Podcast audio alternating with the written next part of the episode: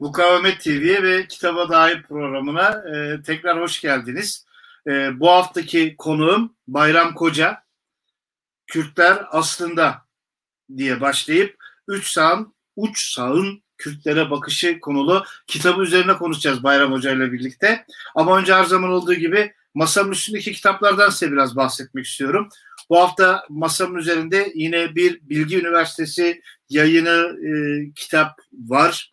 Hep söylüyorum Bilgi Üniversitesi sosyal bilimlerde diğer bizim bütün üniversiteleri e, şey yaptı. Evet e, elimdeki kitap Bilgi Üniversitesi yayınlarından çıkan Ali Karaosmanoğlu ve Ersel Aydınlı'ya ait e, onların derlediği bir kitap. Strateji düşüncesi, kuram, paradoks ve uygulama başlığını e, taşıyan e, bir kitap. E, strateji düşüncesini e, kitapta e, üç temel e, çerçevede ele alıyor e, yazarlar. E, teori, tarih ve eğitim konularında strateji düşüncesini ele alıyorlar ve e, strateji e, kavramını da e, çok farklı anlamlarda strateji kullanılsa da diyorlar. Hatta bir strateji kelimesinin kullanımında bir enflasyon olsa da biz diyorlar strateji kelimesini e, klasik anlamıyla kullanıyoruz. E, nasıl kullanıyoruz? e, strateji e, şeyini kavramını teşkilatlanmış şiddet uygulaması veya tehdidiyle siyasi amaçlar veya siyaset arasındaki irtibat köprü olarak siyaset e, strateji kavramını e, tanımlıyoruz diyorlar. E, kitapta e, strateji kavramı gerçekten çok e, derinlemesine bir şekilde e, e, de ele alınıyor. E, farklı yazarlar e, tarafından e, şey e, strateji e, kavramı. E, önce stratejinin anlamı, işlevi nedir? Üst strateji kavramı, büyük strateji kavramı nedir? Büyük strateji, yumuşak güç, Türkiye'nin milli güvenlik kavramı, askeri strateji, Clausewitz'in savaş üzerindesinde friksiyon ve deha kavramlarından tutun da stratejik bakış açısıyla terörizm nedir, e, stratejik düşünceyle tarihsel gelişimi ve öğretilebilirliği gibi birçok konuda e, çok e, güzel makalelerin bir araya getirildiği bir çalışma. E, genel okuyucuya hitap edeceğini düşünmüyorum ama strateji konusunda çalışan araştırmacılar, özellikle uluslararası ilişkiler konusunda çalışanlar için gerçekten önemli bir kaynak olmuş. Ben de e, göz attığım makalelerden epey bir şeyler öğrendiğimi söyleyebilirim. E, elimdeki, masamın üzerindeki bugün e, size bahsetmek istediğim e, bir diğer kaynak e, Mehmet e, Aytu Mermer Üzümlü'nün e, modern seçim kampanyaları ve politik pazarlama amaçlı halkla ilişkiler e, kitabı. Nobel Bilimsel Eserler serisinden çıkmış bir çalışma e, bu çalışmada. E, bu çalışma e, 2012 yılında e, şeyin e, Doktor e, Aytu Mermer Üzümlü'nün e, Ankara Üniversitesi Sosyal Bilimler Enstitüsü Halk İlişkiler ve Tanıtım bölümünde sunulan siyasi partilerin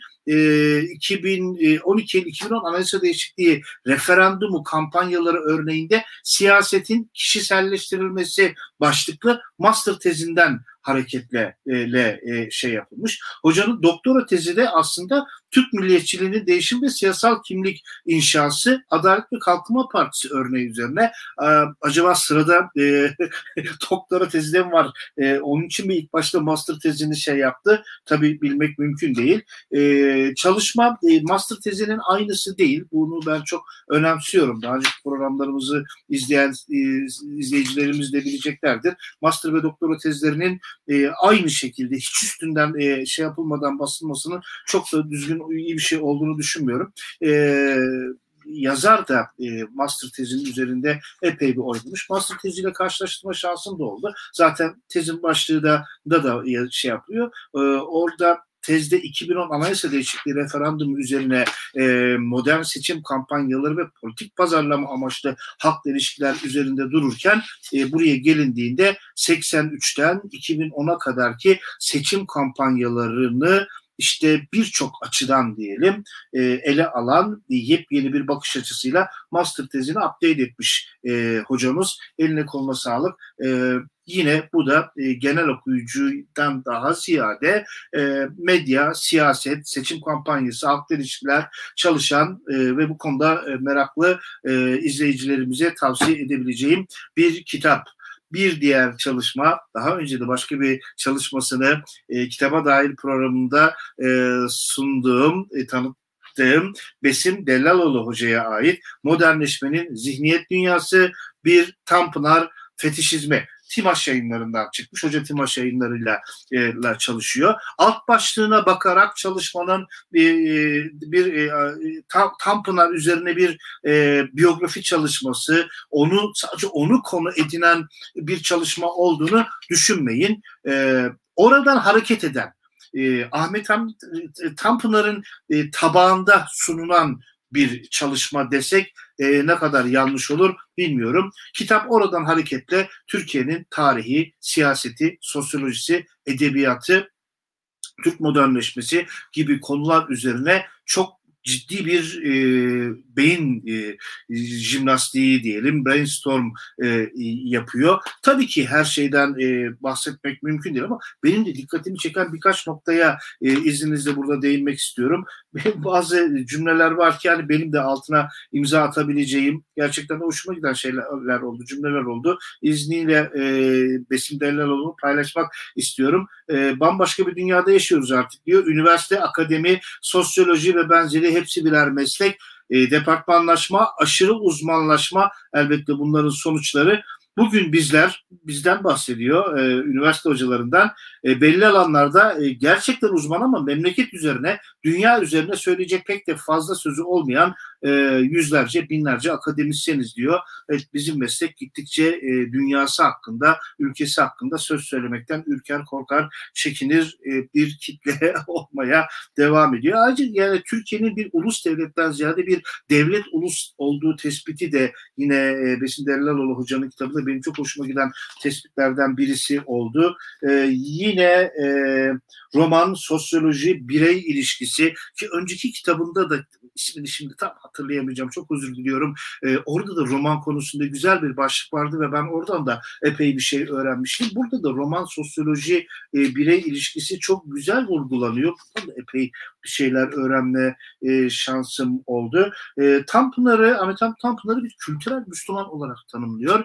E, çok hoşuma giden bir tanımlama oldu. Biz bu ara Kadir Cangızbay hocayla epey bir e, sohbet etme şansımız falan oldu. O da kendisini kültürel Müslüman olarak tanımlıyor. Dindarlıktan ayrı bir e, tanım bu kültürel Müslümanlık tanımı. E, Dellaloğlu Hoca da bayağı üzerinde duruyor. Ahmet Hamdi bunların e, kültürel Müslümanlık e, mevzunda. Bu da yine dikkatimi çeken, hoşuma giden e, tanımlamalardan bir diğeri oldu. Ee, başka vurgulamak istediğim bir iki nokta daha var. Modernleşmenin aslında modernlikle bir ilişki kurma tarzı olduğunu söylemesi ve modernleşmenin toplumları kolektif olarak unuttuğu, bireysel olarak hatırlamaya başladığı, tabii sadece bunlar değil yani burada bir sürü şey var. Bunlar benim de e, yani e, paylaşacağım, benim de e, algıda seçicilik belki de çok hoşuma giden ifadeler oldu. Hocanın eline koluna sağlık. Bir diğeri e, Nobel Bilimsel Eserler serisinden çıkan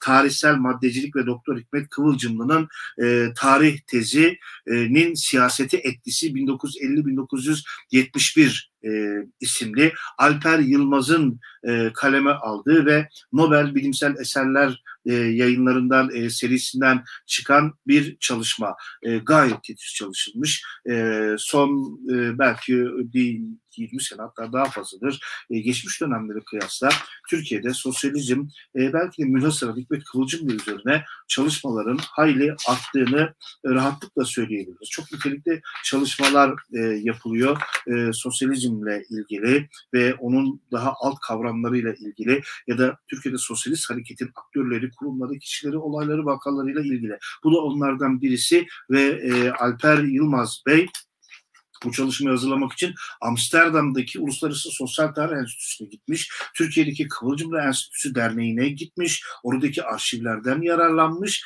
ve e, o olayı ta Hikmet Kıvılcımlı'nın tarih tezini yazarken de e, de e, etkilendiği Gordon Child'ın Neolitik ve Kent Devrimleri kavramına ve onun Kıvılcımlı Hoca'nın tarih tezine etkisine kadar götürmüş. E, tarih tezinin Marksist antropoloji açısından değerlendirilmesine ne değinmiş e, oradan da tabii biraz da Hikmet Kıvılcımlı'dan bahsederek ve o dönemin siyasi olaylarından bahsederek de çalışmasını tamamlamış. Hem Türkiye tarihiyle hem Türkiye sol tarihiyle ilgilenen genel okuyucular içinde, araştırmacılar içinde oldukça sağlam bir kaynak olmuş. Elimdeki bugün masanın üzerindeki son kitap ise Uğur Yasin Asal Hoca'nın derlediği Türk modernleşmesinde devlet, toplum, ekonomi başlıklı bir eser. E, eser. Bu çalışma aslında bir master dersinin e, öğrencileriyle birlikte e, hocanın daha sonra editörlüğünü yaptığı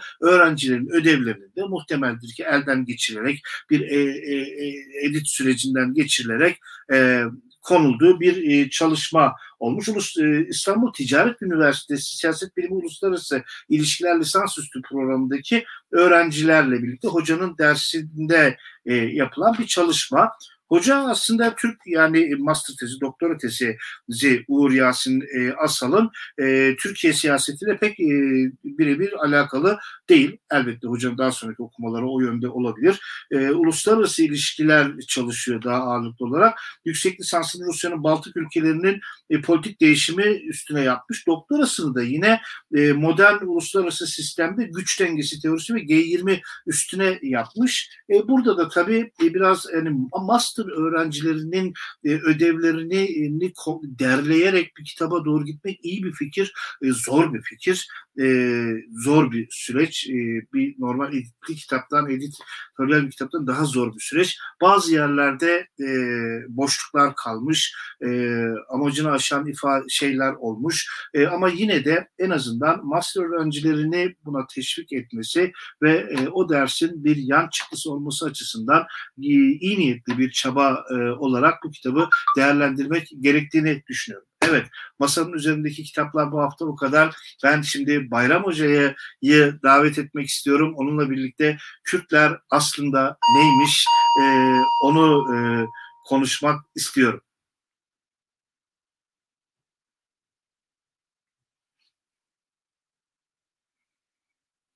Hocam hoş geldin. Merhaba Mete Hocam, hoş bulduk. Teşekkürler.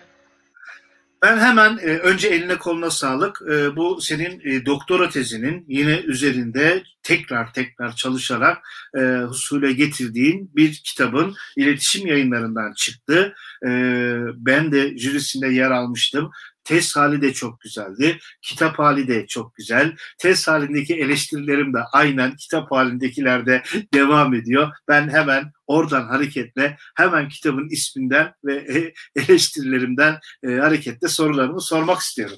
Şimdi e, çalışmanda uç sağın e, e, Kürt sorununa bakışını güvenlik, kimlik ve kalkınma eksenlerinde ele e, alıyorsun. Şimdi kitabın başlığı e, e, Kürtler aslında diye başlıyor. E, Şimdi burada bir ironi mi var diye sorabilir miyim? Yani e, bu uç sağın aslında Kürtlerin yani ne olmadıklarını anlatacağım mı demek istiyor kitap. E, çünkü çok radikal bir bakış açısını şey taşıyorsun. Gayet de e, sistematik bir şekilde getirmişsin çalışmanı. E, bir de senden dinleyebilir miyiz? Başlık, e, kitabın temel argümanı e, nereden hareketle geldi? Sağ olun hocam. E, bu güzel soru için teşekkür ediyorum. Öncelikle size bir e, özel teşekkür etmek isterim. Hem bu derlediğiniz Türkiye'nin 1950'li yılları, 60 yılları ve 70 yıllarda bana yer vermeniz hem jüride baştan sona bu tezi e, yani en yakından takip eden sizdiniz. Ki zaten 50'ler, 60'lar, 70'ler bu tezin tam anlamıyla dönemini oluşturuyor. Bir nevi altyapısını oluşturdu. Bu çerçevede de e, benim kadar sizin de çok. Ondan dolayı eleştirilerinizi birazcık da hani kendinize de çevirmiş gibi oluyorsunuz. Ee, Memnuniyet, ben çok zevk alarak senden çalışmaktan da tezinde yer almaktan da gerçekten zevk alarak yaptım. Ee, çok teşekkür ederim Hacı güzel sözler için. Ben teşekkür ederim hocam. Dediğiniz gibi başlık ironiyle oluşuyor.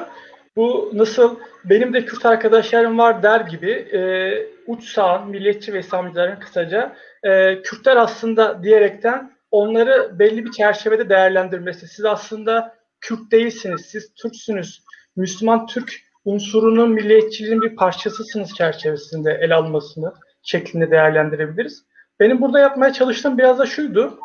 Genel itibariyle literatüre baktığımızda literatür daha çok Kürt hareketi üzerinden el alınmış ya da devlet ve Kürtler ilişkisi çerçevesinde tartışılmış. Özellikle Soğuk Savaş sürecinde e, sol hareket içinden Kürt hareketi tartışılmış ama uç sağa nasıl yaklaşılmış literatürde böyle bir boşluk vardı. Ben evet. de bu çerçevede ona odaklandım.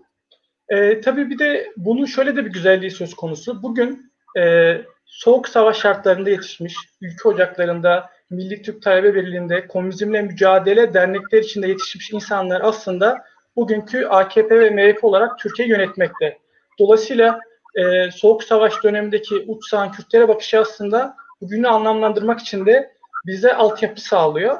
Bu çerçevede de e, tezde farklı yaklaşarak kulağımızı böyle değil de şöyle tutarak gibisinden e, uç sağın yaklaşımını ele aldım.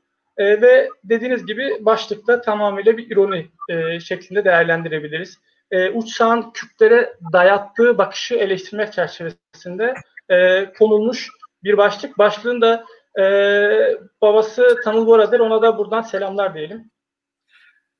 E, madem onu andık şimdi uç sağ kavramına da gelelim. Şimdi onun evet. bir tür sen, Türk e, sağının üç e, hali var. Sen o üç halini anlatıyor. Sen uç halini e, Kürtlere, uç hali Kürtlere nasıl e, bakıyor onu anlatıyorsunuz. Tam kelime oyununa döndü. Bu Türk sahanın üç hali, uç hali. E, evet. Tam bunlar nereye oturuyor? E, biraz senden dinleyebilir miyiz? Tabii, e, teşekkürler öncelikle. E, tabii biraz önce Tanır Hoca'ya e, selam göndermekle birlikte onun Türk sahanın üç hali çerçevesinde bir teorisi vardı. Kısaca Türk sahanı milliyetçilik, muhafazkarlık ve İslamcılık çerçevesinde üçe ayırmaktaydı ve bu üç hali katı, sıvı, gaz olarak ele alır ve birbirlerinin içinde yer aldığını e, öne sürer.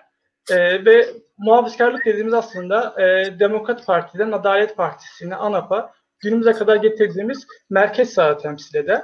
E, milliyetçilik ise e, 1960'larda kurulan e, ülkücü hareket MHP'nin günümüze gelen e, şeklidir. E, bu şekilde alabiliriz. İslamcılık ise milli görüş Erbakan'la başlayan bugünkü AKP'ye kadar, Saadet Partisi'ne kadar gelen akımdır. E, Tanrı bu üç akımın iç içe olduğundan bahseder. Ben ise bunun görüşüne e, yani üç haline katılmakla birlikte bazı şerhler düşüyorum e, kitabında. E, aslında uç, Türk sahanı merkez ve uç olarak ikiye ayrılabileceğimizi öne sürüyorum. Belli kavramlar çerçevesinde. Örneğin merkez sağ e, baktığımızda kendini daha pragmatik şekilde ele alabiliriz. Yani çerçevesi daha yumuşaktır. E, şartlara, döneme göre, konjonktüre göre değişebilir. Uç sağ dediğimiz milliyetçi ve İslamcılar ise daha doktrinerdir. Çerçevesi daha net çizilmiştir. E, merkez sağ kendini biraz kalkınma üzerinden vaat eder, e, var eder. İşte icraat vurgusu yüksektir. İşte e, Soğuk Savaş süresinde özellikle Küçük Amerika olma hedefindedir. İşte yol yapalım, baraj yapalım e, şeklinde, e, fabrika yapalım şeklinde sürekli e, öne sürdüğü vaatleri vardır.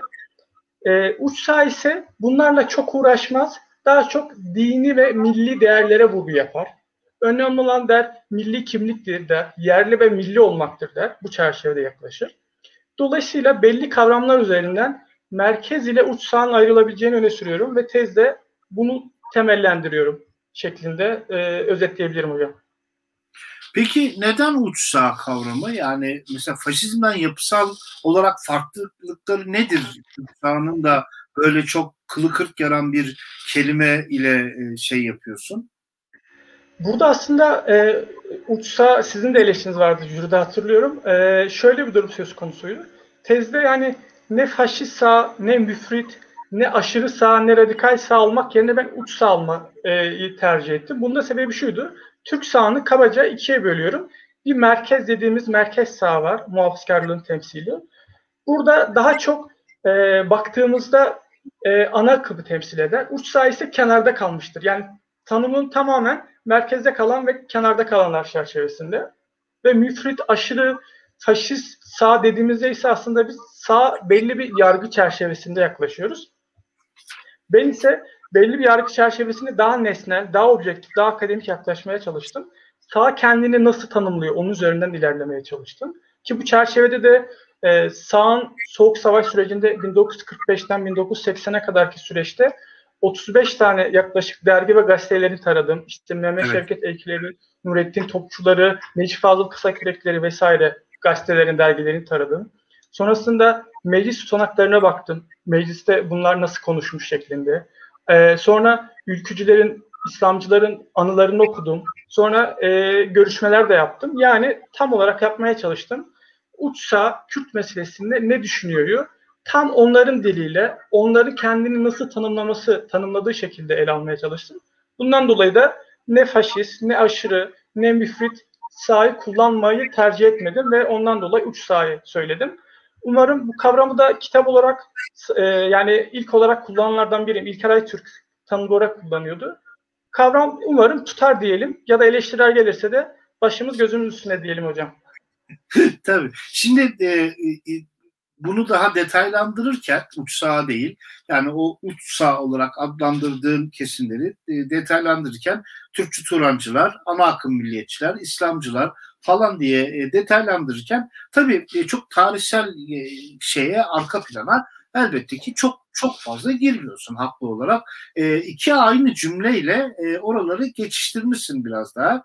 E, bugün e, yani şimdi tekrar düşündüğünde hani acaba o hani üç tarzı siyasetle bağ biraz daha Yusuf Akçı'nın o meşhur şeyiyle e, senin uç tarzı siyaset arasındaki şeyi biraz daha e, e, acaba üstüne e, değinmek gerekir miydi kitapta? Sanki çok güzel giderdi diye düşündüm ben.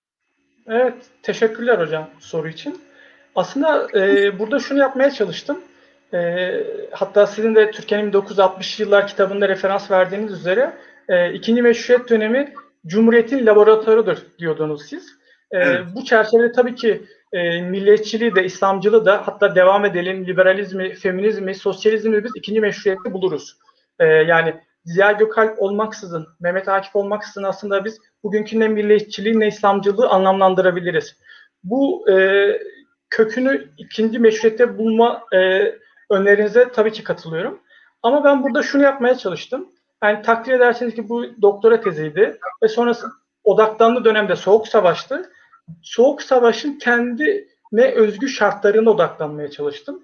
E, neticede ikinci meşruiyet bir Osmanlı'ydı. Çok e, uluslu bir imparatorluk vardı. Soğuk Savaş'ta modern bir ulus devletten bahsediyoruz. Ayrıca Soğuk Savaş e, sürecinde dünya ikiye bölünmüştü. Doğu bloku, Batı bloku. Türkiye Batı blokunda yer alıyor ve komünizmle mücadele temel meselelerden ve bu milliyetçilik ve İslamcılık içinde çok temel. Hatta kendilerini komünizme karşı e, ülkeyi savunmak için öne süren yerleme milli gençler olarak görüyorlar ve komünizmle mücadeleyi milli dava olarak ele alıyorlar. Bu çerçevede o e, devletin bekası, komünistler devletin bekasını yıkmaya çalışıyor anlayışı. Bu çerçevede devletin bekası, komünizm vurgusundan kaynaklı olarak Soğuk Savaş'ın o kendi konjonktürü çerçevesinde milliyetçiliği ve İslamcılığı değerlendirmek istedim. Tabii e, ikinci meşrutiyete e, bir selam göndermekle birlikte ama esas vurguyu Soğuk Savaş'ta tutmaya çalıştım. Evet. Şimdi çalışmanın son bölümünde çok muhteşem bir tablo var. Sen bir yarım sayfada e, tezinde de vardı. İyi ki de almışsın buraya da. E, yarım sayfada bütün e, her şeyi e, bir tablonun içerisinde özetlemişsin. Şimdi rejideki arkadaşlardan da evet sağ olsunlar hemen o e, tabloyu da şey yaptılar. E, bu baya baya aslında bütün kitabın hülasası diyebileceğimiz bir şey. Şimdi e, e, senden ricam Türkçü Turancı, seküler Türkçü Turancı, ana akım milliyetçiler, ana akım İslamcılar ve radikal İslamcılar diye dört gruba ayırdın. Sütunda onlar görülüyor. Satırlarda da bu dört grubun Üç farklı kriterdeki görüşleri eşliğinde. Kimlik, kalkınma, güvenlik. Şimdi bu temel farklar üzerinden hareketle e, bize birazcık bunları özetlemen mümkün mü? Tabii hocam. E, bir nevi de aslında bana kitabın tamamını sormuş oluyorsunuz.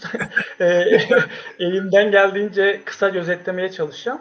E, dediğiniz gibi aslında ben uç sağ kendi içinde dörde böldüm. Milliyetçileri ikiye, İslamcılara da ikiye böldüm.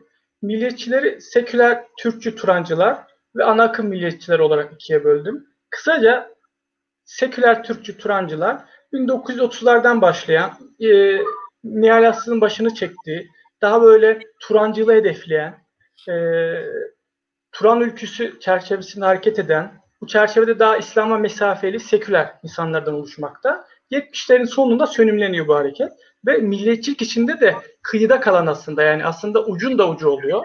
Tezde de bunu söylemeye çalıştım. Bu seküler Türkçü Turancıların kimlik kalkınmaya ve güvenliğe yaklaşımını e, birer cümleyle ve kendi ifadeleriyle bu tabloda ele almaya çalıştım.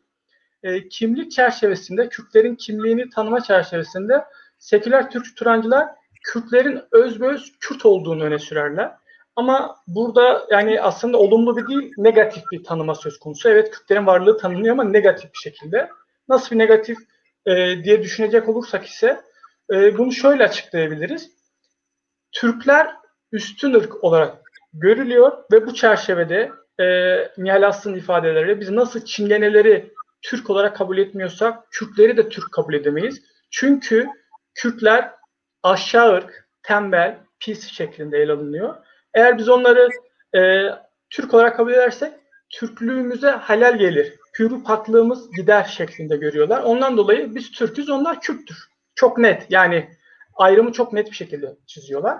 Negatif bir tanıma söz konusu. Kısaca bu şekilde kimliğe yaklaşımını bu şekilde alabiliriz. Kalkınma meselesine yaklaşımı da e, kimliğe yaklaşımla tabii ki benzer durumda. Doğu'nun geri kalmasının müsebbibi tembel Kürtler olarak görüyorlar. Yani kısaca şu şöyle özetleyebiliriz. Aslında devlet Doğu'ya yatırım yaptı. Fabrikalar açtı, barajlar yaptı, lise bile açtı Nihal Aslı'nın ifadesiyle. Ama Kürtler tembel olduğu için nasıl Ege'nin köylüleri, nasıl Karadeniz'in köylüleri çalışıp kalkınmışsa Kürtler de kalkınabilirdi ama tırnak içinde temel oldukları için Doğu geri kalmıştır anlayışı söz konusudur. Güvenlik meselesine ise geldiğimizde e, seküler Türkçü Turancılar Kürt meselesinin mesele olarak devam etmesi durumunda Türklerin bekasını yani Turan ülküsünün bekasını tehdit ettiğini öne sürüyorlar ve bu çerçevede de Kürt meselesinin bir an önce çözülmesi gerektiğini öne sürüyorlar. Kısaca seküler Türkçü Turancıları bu şekilde e, özetleyebiliriz. Geçelim e, milliyetçilerin ana akım kısmına, ana akım milliyetçileri. Ana akım milliyetçiler aslında 1960'larında 60'larda başlayan e, Alparslan Türkeş'in başını çekti. Ülkücü Hareket, Milliyetçi Hareket Partisi şeklinde günümüze kadar gelen e, yapı olarak ele alabiliriz ana akım milliyetçileri. Bunlar İslam'la daha haşır neşirler çerçevede e, ve milliyetçilik içinde ana akımı temsil ediyorlar. Onların kimliğe yaklaşımı ise aslında e, seküler Türkçü Turancılara bir cevap gibi. Nasıl seküler Türkçü Turancılar Kürtler özbeöz Kürt derken e, ana akım milliyetçiler hayır Kürtler özbeöz Türktür diyorlar. Yani onlara bir cevap gibisinden adeta. Bunlar yayınlarında söylüyorlar tabii ki. E, Galip e, Erdem gibi, e, Orhan Türkdoğan gibi, Mehmet Eröz gibi, Fahrettin Kırzoğlu gibi akademisyenler tırnak içinde bilimsel bir şekilde Kürtlerin uzun uzun e, Türk boyundan geldiğini açıklamaya çalışıyorlar bilimsel bir şekilde. Hayır, siz uzun uzun e, bunu bilimsel bir şekilde. Dolayısıyla Türkiye'de Kürt yoktur. Dolayısıyla Kürt sorununda yoktur'a getiriyorlar. Ve onların kandırıldığını öne sürüyorlar. Özellikle dış mihraklar ve o dönemin dış mihrakı Ruslardı, Sovyetlerdi tarafından. Dolayısıyla onların kimliğe yaklaşımı bu şekilde özetleyebiliriz. Kalkınma meselesinde ise Doğu ve Güneydoğu'yu biz kalkındıracağız şeklinde bir söylemleri vardır ama e, ana akım milliyetçilerin doğuya yönelik kalkınma söylemi çok cılızdır. Yani daha çok lafta kalmıştır. Herhangi bir icraata e, dönüşmemiştir. Bu çerçevede de kalkınma vurgusu söylemdedir, cılızdır şeklinde özetleyebiliriz. Aslında Güven... Bayram evet, çok buyurun hocam. dilerim. Yani bu işte aslında e, Kürt diye bir şey yoktur. Bunlar e, aslında kendi kimliklerini unutmuş Türklerdir falan söylemi bir dönemin bayağı bir e, okullarında falan öğretilen e, bir e, bir nevi yarı resmi devlet söylemi haline gelmiş ana akım milliyetçilerin Kürtlerle ilgili e, bu sözleri. Yani Kürt yoktur. Aslında onlar kandırılmışlardır. E, kart kurt sesi çıkarttıkları için onlara Kürt denilen Türkmen boylarıdır falan filan gibi böyle bu tür zırvalıklar bir dönem e, bayağı şey yapılmış. Hani onu da ben araya e, söyleyeyim dedim. ilave edeyim dedim. Evet, Evet hocam haklısınız ki o dönemde sadece hani anam akım milliyetçilerin günahını almayalım devlet söylemi de bu şekildeydi. Örneğin Cemal işte, Gürsel'in evet. evet Cemal Gürsel'in devlet 27 e, Mayıs darbesi sonrası devlet başkanı olarak Diyarbakır'a yaptığı bir gezide meşhur bir konuşması vardır Diyarbakır halkıyla. Ee, siz e, Türksünüz, size Kürt diyenlerin yüzüne tükürün şeklinde. E, gayet böyle nüktedan bir şekilde e, söylemleri de vardır. Evet yani devlet söylemiyle de ana akım milliyetçilerin e, söyleminin Kürtlere dair paralel olduğunu söyleyebiliriz. Tabloya devam edecek olursak e, ana akım milliyetçilerin güvenlik çerçevesinde Kürtlere yaklaşımını da şu şekilde özetleyebiliriz. Kürt meselesinin mesele olarak devam etmesi halinde Türkiye'nin bekasını tehdit ettiğini öne sürerler. Bu çerçevede de Kürt meselesinin bir an önce çözülmesi gerektiğini öne sürerler. Bu şekilde yaklaşırlar. Ana akım milliyetçilerin de e, çok kısa bir şekilde e, Kürtler yaklaşımını bu çerçevede ele alabiliriz. İslamcılara geçecek olursak ise ana akım İslamcılar bugün işte e, Erbakan'la başlayan Milli Görüş Hareketi, Milli Nizam, Milli Selamet, Refah, Fazilet, Saadet, AK Parti'ye kadar gelen e, akım şeklinde değerlendirebiliriz. Onlar aslında kimlik meselesinde Kürtlere e, Kürtlerin İslam Türk milliyetçiliğinin bir unsuru olduğunu ne sürerler. Burada e, ana akım milliyetçilerin Osmanlı vurgusu güçlüdür ve şöyle yaklaşırlar. E, Türkler e, yüzyıllardan beri Anadolu'nda öncü ırklardır. Bu çerçevede de İslam'ın da bayraktarlığını yapmışlardır. Dolayısıyla e, Kürtlerin de İslam Türk milliyetçiliğine, İslam Türk e, Türkiye boyun eğmesi gerektiğini, onun içinde yer alması gerektiğini öne sürerler. E, bu şekilde kimlik. Yani bir ikircikli bir tanıma söz konusu aslında e, e, ana akım milliyetçiler, ana akım İslamcılar özür diliyorum. Kalkınma çerçevesinde ise yaklaştığımız ana akım İslamcıların e, Doğu ve Güneydoğu'yu biz kalkındıracağız derler. Aslında e, ana akım İslamcılar yani özellikle 70 yıllarda MSP döneminde hem CHP ile olan e, koalisyonda hem milliyetçi cephe hükümetlerinde uzun uzun doğuda fabrika temelleri atmışlardır. Doğuyu kalkındırmaya çalışmışlardır. Bu çerçevede yani e, bu söylemleri ana akım milliyetçilerle kıyaslayınca lafta kalmamıştır, icraata geçmiştir. Tabii bu dönemdeki siz daha iyi bilirsiniz hocam fabrikalarında pek çoğu aslında sadece temeli atılmıştır. Kendisi yoktur ortada. Ee, onun da altını çizelim tabii. Ee, devam edelim. Güvenlik çerçevesinde ise ana akım İslamcıların nasıl yaklaştığına bakacak olursak ise e, ana akım İslamcılar Kürt meselesinin mesele, mesele olarak devam etmesi halinde Anadolu İslam Birliği'nin bekasını tehdit ettiğini öne sürerler. Bu çerçevede de Anadolu İslam Birliği çerçevesinde Kürtlerin İslamlığına, Müslümanlığına vurgu yaparlar ve Kürtlüğüne vurgu yapmazlar. Hatta Elçin Ak, belirttiği üzere sürekli Kürtlerle e, Selahattin Eyyubi'nin torunları şeklinde seslenirler Kürtlere. Ama Selahattin Eyyubi'nin torunlarındaki vurgu Selahattin Eyyubi'nin Kürtlüğüne değil Müslümanlığınadır. Dolayısıyla Müslüman, e, İslam kardeşliği üzerinden ana akım İslamcılar e, Kürtlerle bir e, ortaklık bulmaya ve Kürt sorununu çözmeye yaklaşmışlardır şeklinde e, belirtebiliriz. Bu, bu şekilde de ana akım İslamcıları özetleyebiliriz. Son kategoriye, tezin e, uçsağın son kategorisine de geçtiğimizde bu da radikal İslamcılardır. Radikal İslamcılar aslında 1970'lerin ortasında ortaya çıkmışlardır. Bu akıncılar e, hareket olarak bilinen akıncılar buna en büyük örnektir. Daha çok İslam, e, İran İslam devriminden etkilenmişlerdir. E, İslami bir devrim hedeflemişlerdir. Devrimci İslamcı diye ele alabiliriz bunları. Bunlar radikal kesimdir. Sol bir dil kullanırlar. E, devrimcidirlerdir. Örneğin ana akım İslamcıları MSP'yi revizyonist olmakta suçlarlar. Gayet böyle e, sol bir dilleri vardır. Bunlar kimlik konusunda Kürt meselesine en e, açık bir şekilde, en olumlu yaklaşan kesimdir. Kürt meselesini çaresinin İslam olduğunu öne sürmüşlerdir.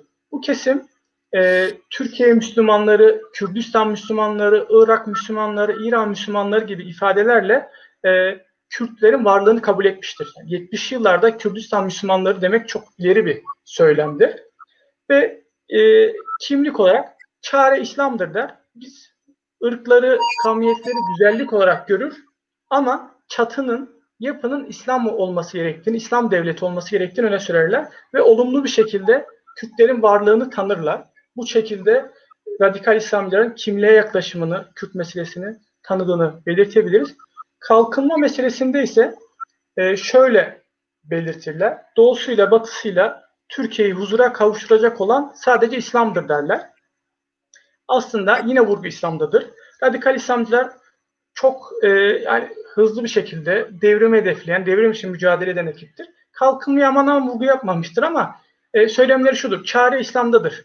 İslam gelince, İslam devleti gelince, şeriat gelince kimlik sorunu da ortadan kalkacak. Geri kalmışlık sorunu da ortadan kalkacak çerçevesinde yaklaşırlar. Kalkınma meselesinde de yaklaşımları bu şekilde özetleyebiliriz. Ee, güvenlik meselesinde ise Kürt meselesinin mesele olarak kalması halinde İslam devletinin bekasını tehdit ettiğini öne sürerler.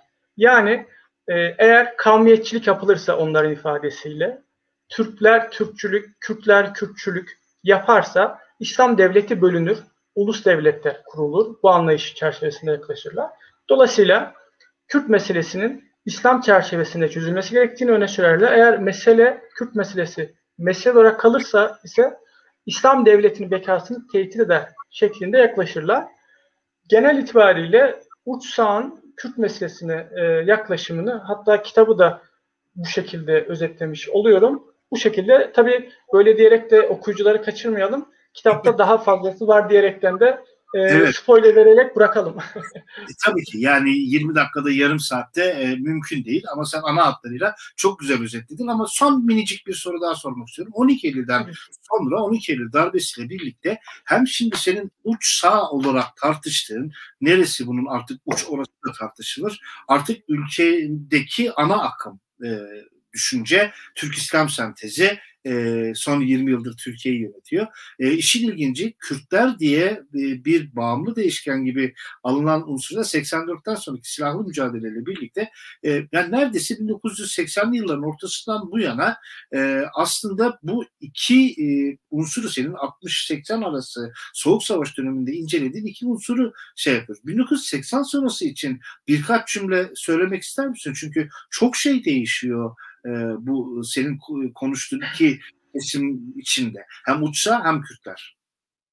Evet, e, sağ olun hocam. Ben de tam bu sorduğunuz soruyu tezin kısmına e, kısa bir e, bakış evet. çerçevesinde 80 günümüze Uçsa ve Kürtler şeklinde özetlemeye çalıştım. Burada aslında tamamen çerçeve değişiyor. Bir kere Soğuk Savaş sona eriyor.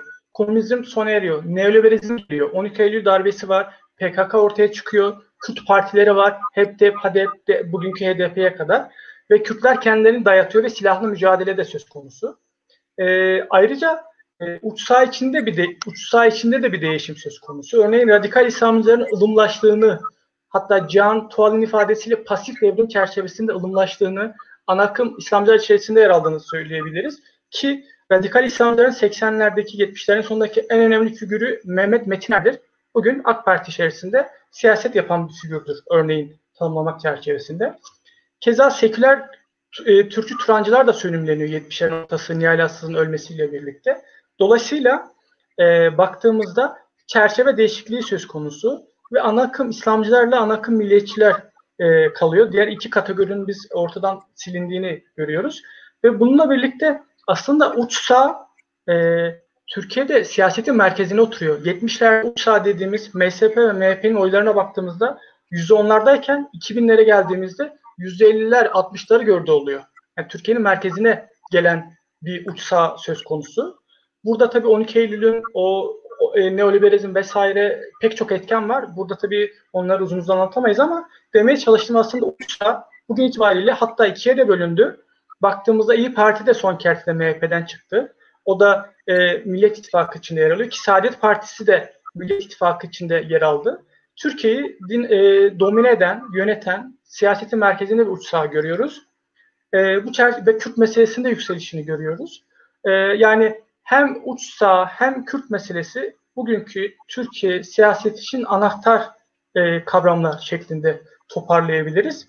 E, ve tezin de ya bu, bu çalışmanın da e, bunların hem Kürt hareketinin hem MHP'nin, AKP'nin kökenlerin ortaya çıkışını koyması bağlamında e, önemli olduğunu naçizane düşünüyorum diyerekten sorunuzu cevaplayayım hocam.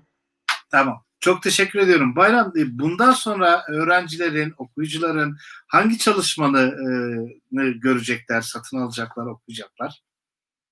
Yani e, sağ olun hocam. Öyle okuyucular var mı bilmiyorum tabii de e, e, e, bir, bir biraz daha soğuk savaş ve aydınlar e, üzerine bir dönem e, çalışıyorum ve sonrasında da e, biraz daha ilgiyi e, işte dümeni biraz 80 sonrasında kırmayı planlıyorum ve e, ana ana vatan ana vatan partisi üzerine e, çalışmayı düşünüyorum. Bunu da tabii sizin derlediğiniz Türkiye'nin 1980'li yıllar kitabı için e, evet, yapacağım. Olsun. Buradan da kitabında reklamını yapmış olalım. E, bu çerçevede ana çalışacağım. Tamam. Peki e, ben geldiğin için, katıldığın için çok teşekkür ediyorum. Çok sağ ol. Bir Kitabalar programının da sonuna geldik. E, görüş ve eleştirilerinizi lütfen e, kitaba dair et metekankaynar.com.tr adresine e, mail olarak yazmayı, çalışmalarınızı da e, PTT Mesa Batı sitesi Ankara adresine e, göndermeyi e, unutmayın, ihmal etmeyin. Ben e, tekrar katıldığı için Bayram Hoca'ya çok teşekkür ediyorum ve herkese de iyi akşamlar diliyorum. İyi akşamlar.